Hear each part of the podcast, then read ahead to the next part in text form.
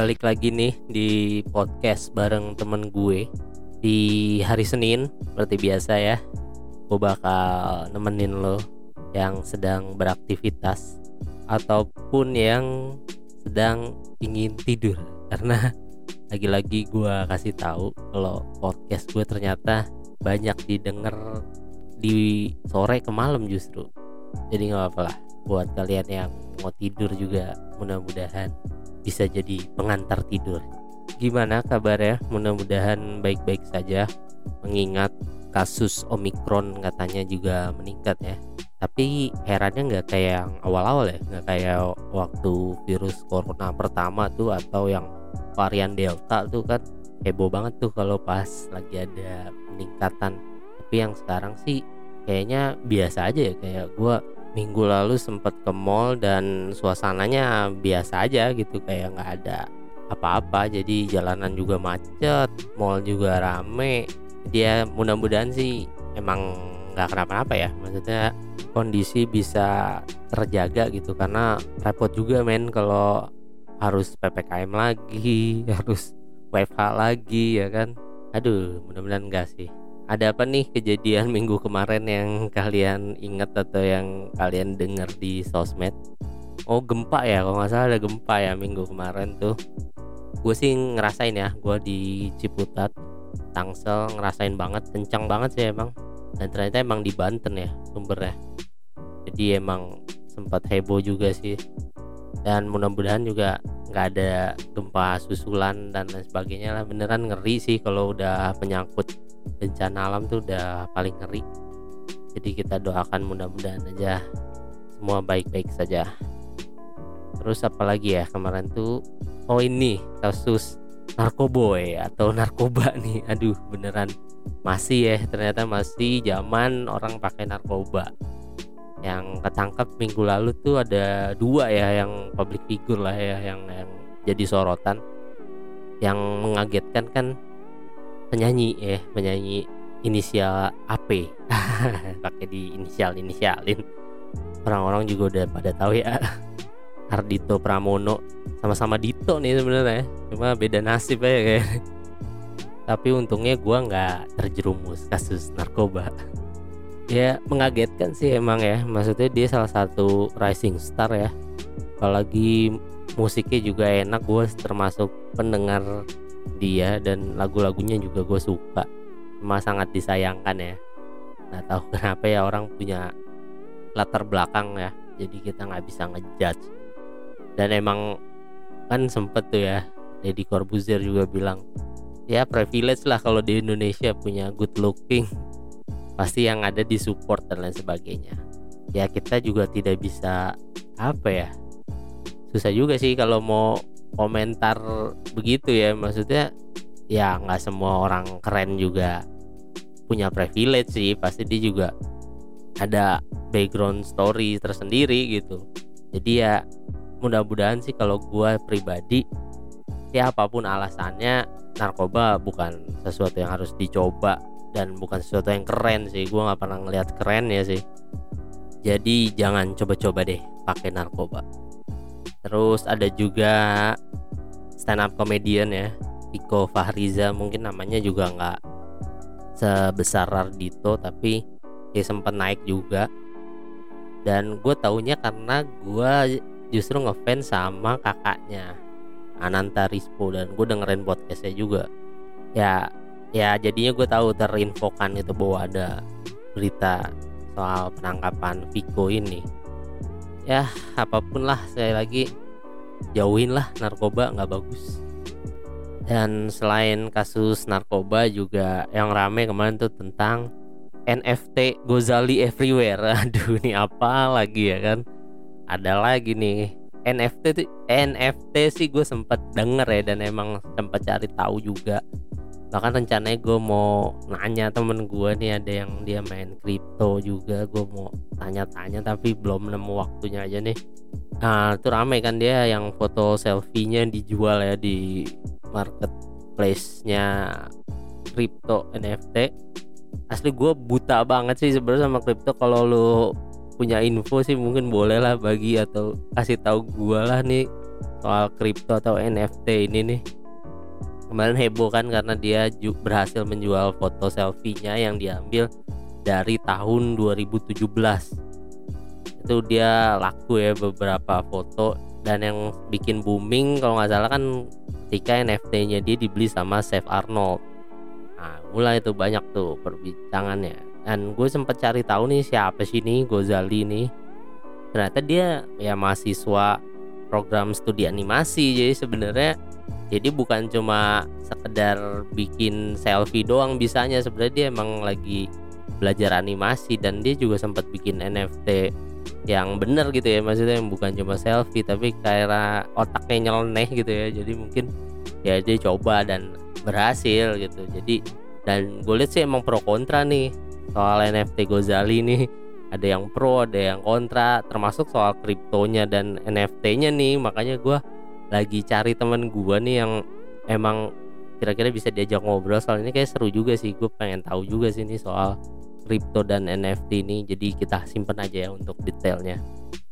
Dan juga kemarin yang masih ya masih booming nih tentang layangan putus. Aduh nih gue jujur nggak nonton ya. Gue nggak nggak nggak punya ketertarikan buat nonton juga.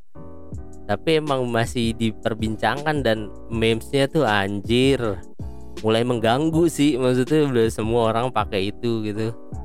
Dan nah udah sih gitu. Dan gue sih apa ya kemarin lucu sih pas gue ketemu sama temen gue jadi cerita dia termasuk yang nonton. Dan dia bilang aduh tuh nggak bener tuh film katanya nggak apa jadi ngebongkar rahasia suami dan sebagainya. Ya iya sih gitu. Jadi gue nggak tahu di part yang mana dan karena gue nggak nggak kompeten kalau gue nggak nonton terus gue mau komentari. Jadi ya mungkin sih gitu kalau gue baca dikit-dikit gitu kan sinopsisnya. Dan menurut temen gue yang nonton sih ya banyak gitu hal yang akhirnya terbongkar gitu. Dia jadi insecure sendiri gitu. Kacau emang. Ya udahlah kita lupakan soal layangan putus.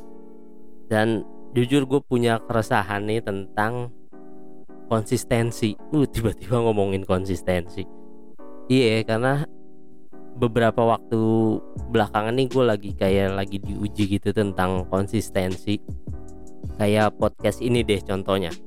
Di awal tuh gue beneran semangat banget gitu kan oh apalagi ketika ada yang dengar terus ada yang DM dan lain sebagainya. Jadinya oke okay, semangat bikin bikin tapi di tengah jalan tuh mulai nih mulai challenge-nya ada aja gitu ya mulai. Ya gue sempet ditemenin sama Yuda sama Arfan.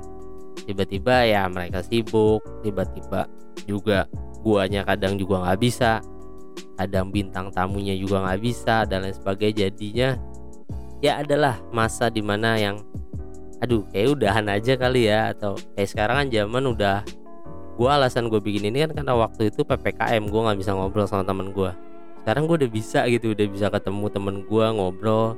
Dan pada dasarnya gue emang bukan demen konten ya maksudnya ya gue ngobrol ya ngobrol aja gitu. Apalagi kemarin kasus ketika terakhir gue ketemu temen gue dan akhirnya gue nggak bisa ngetek tapi gue tetap bisa ngobrol ya rasanya sama gitu. Cuma ya bedanya gue nggak membagi itu gitu. Dan sempat ada keraguan sebenarnya di hati gue juga.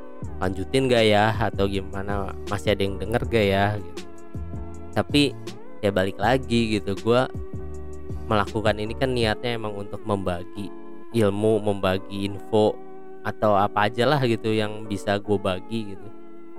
Jadi ya balik lagi akhirnya mencoba untuk ya konsisten kayak episode hari ini nih hampir aja gue nggak ngetek nih karena tadi gue mau ah gue harus ada bintang tamu deh gitu. Udah gue udah ngobrol sendiri udah lama juga. Tapi nggak nggak ada juga gitu nggak waktunya nggak nggak pas juga. Akhirnya ya mau nggak mau gue harus attack sendiri juga. Ya pokoknya ada aja lah yang bikin gue hampir aja nggak ngetek dan kebetulan gue juga minggu lalu melaunching menaikkan konten YouTube gitu. akhirnya gue memberanikan diri buat mulai channel YouTube berbeda sih sama podcast ini. Tadinya gue pengen mindahin podcast ini ke YouTube tapi ya itu tadi ketika banyak challenge yang terjadi jadinya gue berubah konsep. Akhirnya gue pakai konsep tutorial sekarang mengingat gue basicnya desain grafis ya gue mau membagi ilmu gue di YouTube akhirnya. Jadi buat kalian yang penasaran mungkin nanti bisa dicek di namanya Daholik Channel nanti gue kasih juga di deskripsi. Ya kalau kalian lagi belajar desain ya bisalah dilihat-lihat situ. Jangan lupa di subscribe kita promosi. Nah balik lagi ke soal konsistensi. Yaitu bener bahwa ketika lu udah mulai itu tantangan terberat adalah menjaga gitu untuk tetap bisa jalan bahkan sampai ke tujuan gitu. Dan itu ya sih yang belakangan jujur berapa waktu terakhir ini gue lagi dicoba untuk lu konsisten gak nih sama apa yang udah lu mulai? Dan aduh susah banget ternyata untuk bisa menjaga itu. Makanya seperti biasa gue langsung baca-baca dah gimana nih cara mempertahankan konsistensi. Akhirnya gue nemu nih artikel dari IDN News, eh bukan IDN Times.com. Seperti biasa nih kayak IDN Times sering ya gue pakai buat artikel yang gue baca gitu. Tapi ya kita lihat aja lah nih sambil kita baca ya kita sesuai gak nih kira-kira ampuh gak ya cara-cara ini nih judulnya 7 cara jitu agar selalu konsisten saat melakukan sesuatu. Mau coba? Oke, kita coba aja ya. Yang pertama dia bilang cari hal yang betul-betul kamu senangi.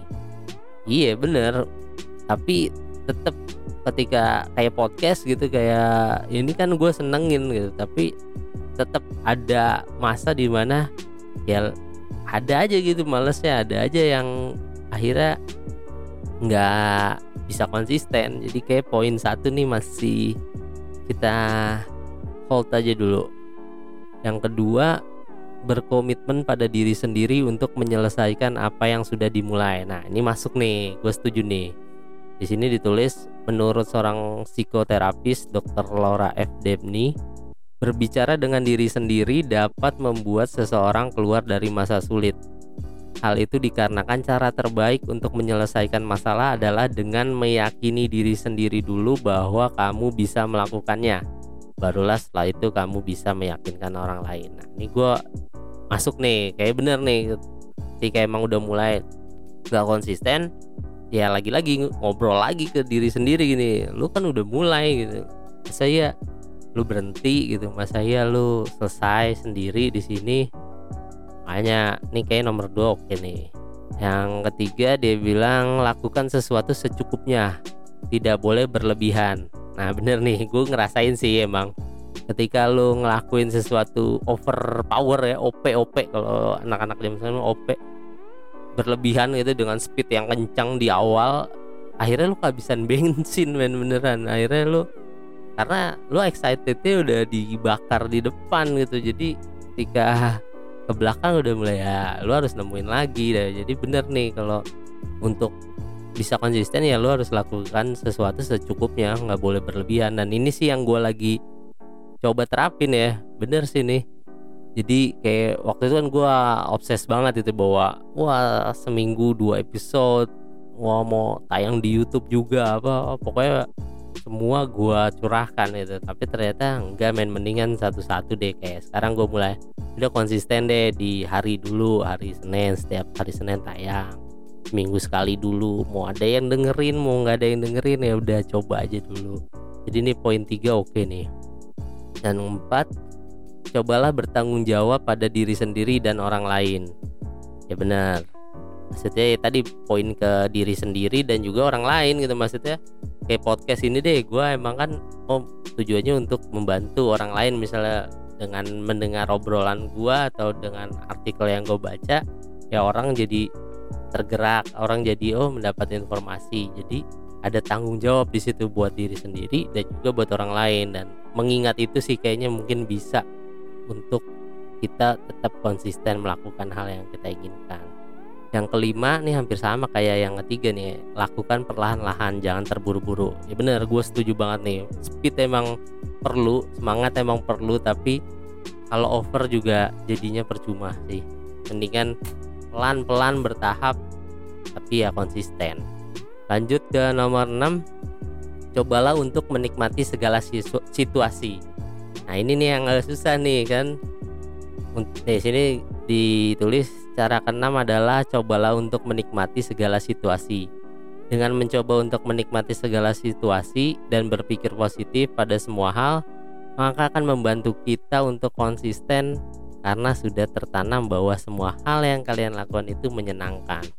Menikmati bukanlah berarti tidak boleh merasa sakit, namun dengan mencoba menikmati akan membuat kalian untuk bersyukur dalam segala hal. Jadi cobalah nikmati segala situasi agar bisa konsisten ya iya ini yang ini termasuk yang sulit nih yang sulit nih poin keenam nih kadang-kala kadang-kala kayak tadi yang gue bilang ketika situasinya nggak memungkinkan kayak gue kemarin tuh udah ketemu temen gue mau ngetek dan lain sebagainya tiba-tiba situasinya nggak memungkinkan kan bete juga gitu. Aduh gimana nih? Akhirnya kan ada apa lanjutin atau gimana? Ya jadinya nggak konsisten. Tapi ya dengan menerima bahwa oh ya udahlah emang pada saat itu bukan waktunya gua ngetek gitu bahwa mungkin gua emang harus ngobrol as a friend aja ya udah gitu. Akhirnya ya gue tetap harus bisa konsisten lanjutin podcast ini gitu. Yang terakhir sebisa mungkin jauhkan diri dari pikiran negatif yang mengganggu. Nah ini nih. Seringkali emang kayak gitu kan kayak melakukan sesuatu tiba-tiba feedback yang nggak sesuai ya udah mikirnya udah netting aja. Yang kayak gue sekarang kayak kayak oh pendengar mulai menurun misalnya. Atau ketika bikin channel YouTube juga ya yang nge-view mulai turun dan lain sebagainya ya ada aja gitu pikiran negatif yang ah kayak percuma kayak gitu nah itu sih kayak yang harus dihilangin ya. Nah ini beberapa tips dan triks nih kayaknya ya ada yang sangat bisa dilakukan ada yang ya mungkin ya nggak semudah itu sih. Jadi ya mudah-mudahan sih bisa teratasi ya buat lu juga yang ngerasain sama kayak gue nih lagi ada di posisi yang menjaga konsistensi itu. Mudah-mudahan kita bisa tetap bertahan terhadap apa yang ingin kita capai dan kita kejar. Oke lah sekian dulu untuk episode kali ini. Mudah-mudahan di episode berikutnya jadi lebih baik lagi dan tetap konsisten yang penting. So, sampai jumpa di episode selanjutnya.